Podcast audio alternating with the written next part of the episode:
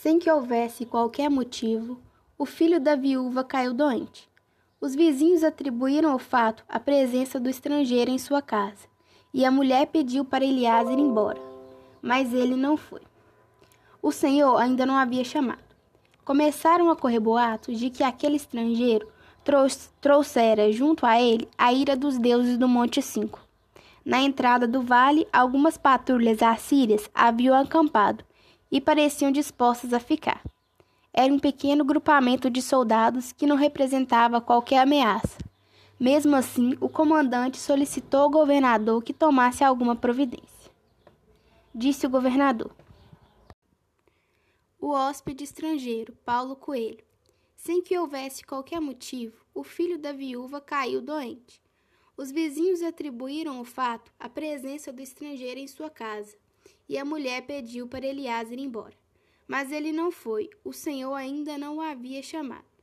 Começaram a correr boatos de que aquele estrangeiro trouxera junto com ele a ira dos deuses do Monte Cinco. Na entrada do vale, algumas patrulhas assírias haviam acampado e pareciam dispostas a ficar. Era um pequeno grupamento de soldados que não representava qualquer ameaça. Mesmo assim, o comandante solicitou ao governador que tomasse alguma providência. Podemos construir uma casa para o israelita do lado de fora das muralhas, disseram. Desta maneira, não violamos a lei da hospedagem, mas nos protegemos contra a ira divina.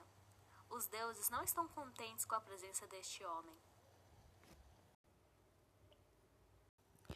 Os habitantes saíram descontentes, mas não podiam fazer nada. A tradição dizia que a família governante precisava ser respeitada. O hóspede estrangeiro, Paulo Coelho. Sem que houvesse qualquer motivo, o filho da viúva caiu doente. Os vizinhos atribuíram o fato à presença do estrangeiro em sua casa, e a mulher pediu para Elias ir embora. Mas ele não foi, o Senhor ainda não o havia chamado. Começaram a correr boatos de que aquele estrangeiro trouxera junto com ele a ira dos deuses do Monte Cinco. Na entrada do vale, algumas patrulhas assírias haviam acampado e pareciam dispostas a ficar. Era um pequeno grupamento de soldados que não representava qualquer ameaça. Mesmo assim, o comandante solicitou ao governador que tomasse alguma providência. Disse o governador: Era possível controlar o exército e acalmar a população sobre as patrulhas estrangeiras. Mas, com a doença do filho da viúva, o governador passou a ter dificuldades em tranquilizar a população a respeito de Elias. Os habitantes saíram descontentes, mas não podiam fazer nada a tradição dizia que a família governante precisava ser respeitada. Inúmeras as diferenças entre nós e os outros. A história de Elias nos ensina a sabedoria e a diversidade das culturas, que ao garantir respeito ao estrangeiro, exprimem o reconhecimento do caráter humano, independente do lugar em que vivem, das diferenças étnicas, dos costumes, crenças e ideias. Variação histórica ou diacrônica. As variações históricas tratam das mudanças ocorridas na língua com o decorrer do tempo. Exemplo: Vossa mercê se tornou vós mecê e hoje em dia nós falamos você ou até mesmo se.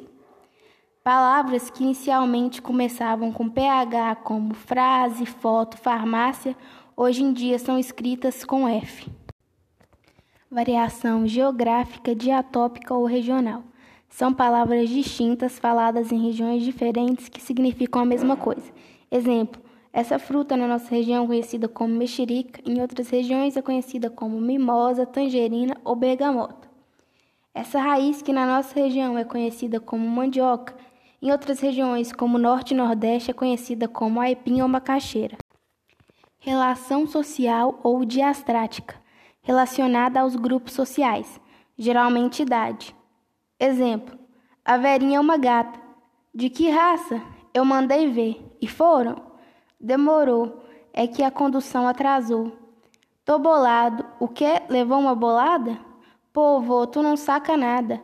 É, hoje em dia não saco nada mesmo, mas quando eu era jovem sacava muito bem, no vôlei e no tênis também. Variação de estilo ou estilística. Refere-se à situação de uso da língua. Pode ser coloquial ou culta. Norma culta. Preocupação com a gramática normativa, ausência de gírias, ausência de formas reduzidas. Norma coloquial. Sem preocupação com a gramática normativa, uso de gírias, uso de formas reduzidas. Exemplo: norma coloquial. Assistiu o programa, a classe obedeceu o professor, o filho su sucedeu o pai. Prefer... Exemplos: norma coloquial. Assistiu o programa, norma culta. Assistiu ao programa, norma coloquial. A classe obedeceu o professor. Norma culta. A classe obedeceu ao professor. Resumo do livro O Monte 5. Elias precisa fugir de sua terra natal, pois a nova esposa do rei não está feliz com a atividade que os profetas andam realizando. Quando ela ordena que todos eles sejam mortos, o Senhor disse a Elias que amaldiçoaria aquela terra com muitos anos de seca. Então ele foge e viaja durante vários dias até encontrar a cidade de Aquibá. Seguindo as orientações de Deus, ele deveria encontrar uma viúva, pedir alimento e abrigo. Quando questionou a volta para casa, Deus disse-lhe que ele só retornaria a Israel quando aprendesse os ofícios de construtor. A cidade onde Elias se alojou ainda venera deuses antigos. Por isso ele não é bem-vindo na cidade até porque ele também é inimigo da rainha daquele povo. Porém, uma lei obriga que todos os cidadãos recebam qualquer pessoa de fora com respeito e dignidade. Com o passar do tempo, Elias se sente devidamente acolhido, mas acontecimentos colocam tudo que ele construiu por água abaixo. Começam a acusá-lo pela morte do filho da viúva e outras maldições, como uma possível guerra com o povo que, inclusive, já vem armando o hóspede estrangeiro, Paulo Coelho. Sem que houvesse qualquer motivo, o filho da viúva caiu doente. Os vizinhos atribuíram o fato à presença do estrangeiro em sua casa, e a mulher pediu para Elias ir embora. Mas ele não foi, o Senhor ainda não o havia chamado. Começaram a correr boatos de que aquele estrangeiro trouxera junto com ele a ira dos deuses do Monte Cinco. Na entrada do vale, algumas patrulhas assírias haviam acampado e pareciam dispostas a ficar. Era um pequeno grupamento de soldados que não representava qualquer ameaça. Mesmo assim, o comandante solicitou ao governador que tomasse alguma providência. Disse o governador: Era possível controlar o exército e acalmar a população sobre as patrulhas estrangeiras. Mas, com a doença do filho da viúva, o governador passou a ter dificuldades em tranquilizar a população a respeito de Elias. Uma comissão de habitantes foi conversar com ele. Variação social ou diastrática, relacionada aos grupos sociais, geralmente idade. Exemplo: a Verinha é uma gata. De que raça? Eu mandei ver. E foram? Demorou. É que a condução atrasou. Tô bolado. O que? Levou uma bolada? Pô, vô, tu não saca nada. É, hoje em dia eu não saco nada mesmo, mas quando eu era jovem sacava muito bem. No vôlei e no tênis também. Texto 1. A filosofia não se confunde com a ciência. O trecho escolhido como central foi: A visão da filosofia é uma visão de conjunto, ou seja, o problema tratado nunca é examinado de modo parcial, mas sempre sobre a perspectiva de conjunto relacionando cada aspecto com os outros do contexto em que está inserido. Se a ciência tende cada vez mais para a especialização, a filosofia, no sentido inverso, quer superar essa fragmentação do real, para que o homem seja resgatado na sua integridade e não sucumba à alienação do saber parcelado. Perguntas: Quais são as diferenças entre filosofia e ciência? Mediante as leis que regem o universo, você acha que tudo pode ser apenas uma teoria? Justifique. A ciência estuda fatos que podem ser comprovados, ou seja, o conhecimento empírico. Já a filosofia estuda o saber, os pensamentos, as diversas ideologias de diversos filósofos, ou seja, é o estudo de questões gerais e fundamentais sobre existência, conhecimento, valores, razão, mente e linguagem, frequentemente colocados como problemas a se resolver. Can be made with goose, down or nylon. The weight varies between 4 grams and 6 grams. Can be made with goose, down or nylon. The weight varies between 4 grams and 6 grams.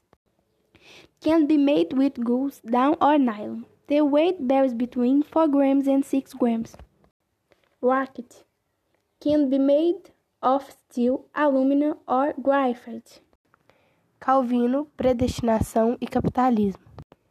Durante a Idade Média, a autoridade da Igreja Católica era quase inquestionável. Mesmo assim, já havia quem ousasse discordar dos ensinamentos e da prática da Igreja. Essas pessoas eram consideradas hereges, ou seja, transgressoras da doutrina e dos dogmas católicos, sendo por isso perseguidas pela Igreja. As críticas dessas pessoas concentravam-se principalmente na venda de cargos eclesiásticos a pessoas que não tinham vocação religiosa, no luxo e na riqueza que os membros do alto clero desfrutavam e no despreparo intelectual de grande parte dos padres.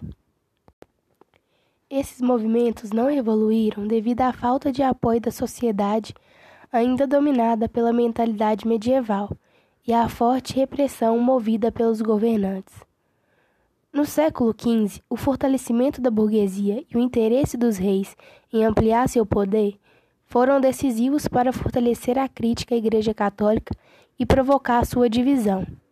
A burguesia pretendia aumentar seus lucros e acumular riquezas isso era condenado pela Igreja, embora ela mesma fosse riquíssima e grande proprietária de terras.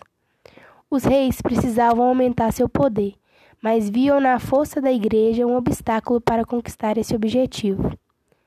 Tais mudanças foram fundamentais para as críticas se transformarem. Durante a Idade Média, a autoridade da Igreja Católica era quase inquestionável. Mesmo assim, já havia quem ousasse discordar dos seus ensinamentos e de sua prática. Essas pessoas eram consideradas hereges e criticavam principalmente a venda de cargos eclesiásticos a pessoas que não tinham vocação religiosa, luxo e riqueza que membros do alto clero desfrutavam e despreparo intelectual de grande parte dos padres. No século XV, o fortalecimento da burguesia e o interesse dos reis em ampliar seu poder foram decisivos para fortalecer a crítica à Igreja e provocar sua divisão. A burguesia pretendia aumentar seus lucros e acumular riquezas. Isso era condenado pela Igreja, embora ela mesma fosse riquíssima e grande proprietária de terras. Os reis precisavam aumentar seu poder mas viam na força da Igreja um obstáculo para conquistar esse objetivo. Tais mudanças foram fundamentais para que as críticas se transformassem em ruptura e levassem à reforma religiosa do século XVI.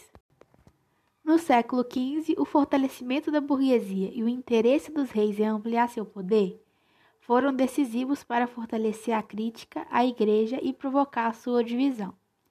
A burguesia pretendia aumentar seus lucros e acumular riquezas. Isso era condenado pela Igreja, embora ela mesma fosse riquíssima e grande proprietária de terras. Os reis precisavam aumentar seu poder, mas viam na força da Igreja um obstáculo para conquistar esse objetivo. Em 1517, o Papa Leão X decretou a venda de indulgências que assegurariam o perdão dos pecados de uma pessoa em troca de uma quantia em dinheiro. O dinheiro seria usado no término da construção da Basílica de São Pedro em Roma. Na Saxônia, o monge Martim Lutero revoltou-se com o escândalo das indulgências. Como resposta, ele pregou na porta da Catedral de Wittenberg um documento com 95 pontos contrários aos ensinamentos e às práticas da Igreja. Recusando-se a voltar atrás nas ideias defendidas, em 1520 Lutero foi declarado herege pelo Papa e excomungado pela Igreja. Apoiado pelos príncipes alemães, ele continuou difundindo sua doutrina, assim começando a reforma protestante. A doutrina luterana tinha três pontos principais: a justificação pela fé, quando a pessoa. A doutrina luterana tinha três pontos principais: Justificação pela fé. A pessoa é salva por meio da fé e não pelas obras que pratica. Sacerdócio universal. Todos os crentes podem interpretar por si mesmos os textos sagrados. Negação da infalibilidade da Igreja. A única fonte de verdade é a Bíblia e não a tradição ensinada pela Igreja. Além disso, Lutero manteve apenas dois dos sacramentos católicos, o batismo e a Eucaristia. Ele também negou a existência de uma hierarquia dentro da igreja e suprimiu o culto à Virgem e aos santos. Calvino, predestinação e capitalismo. Durante a Idade Média, a autoridade da Igreja Católica era quase inquestionável. Mesmo assim, já havia quem ousasse discordar dos seus ensinamentos e de sua prática. Essas pessoas eram consideradas hereges e criticavam principalmente a venda de cargos eclesiásticos a pessoas que não tinham vocação religiosa, luxo e riqueza que membros do alto clero desfrutavam e despreparo intelectual de grande parte dos padres. No século XV, o fortalecimento da burguesia e o interesse dos reis em ampliar seu poder foram decisivos para fortalecer a crítica à Igreja e provocar sua divisão. A burguesia pretendia aumentar seus lucros e acumular riquezas. Isso era condenado pela Igreja, embora ela mesma fosse riquíssima e grande proprietária de terras. Os reis precisavam aumentar seu poder, mas viam na força da Igreja um obstáculo para conquistar esse objetivo. Em 1517, o Papa Leão X decretou a venda de indulgências que assegurariam o perdão dos pecados de uma pessoa em troca de uma quantia em dinheiro. O dinheiro seria usado no término da construção da Basílica de São Pedro em Roma. Na Saxônia, o monge Martim Lutero revoltou-se com o escândalo das indulgências. Como resposta, ele pregou na porta da Catedral de Wittenberg um documento com 95 pontos contrários aos ensinamentos e às práticas da Igreja. Recusando-se a voltar atrás nas ideias defendidas, em 1520 Lutero foi declarado herege pelo Papa e excomungado pela Igreja. Apoiado pelos príncipes alemães, ele continuou difundindo sua doutrina, assim começando a reforma protestante. A doutrina luterana tinha três pontos principais: a justificação pela fé, quando a pessoa. A doutrina luterana tinha três pontos principais: justificação pela fé. A pessoa é salva por meio da fé e não pelas obras que pratica. Sacerdócio universal. Todos os crentes podem interpretar por si mesmos os textos sagrados. Negação da infalibilidade da Igreja. A única fonte de verdade é a Bíblia e não a tradição ensinada pela Igreja. Além disso, Lutero manteve apenas dois dos sacramentos católicos, o batismo e a Eucaristia. Ele também negou a existência de uma hierarquia dentro da Igreja e suprimiu o culto à Virgem e aos santos.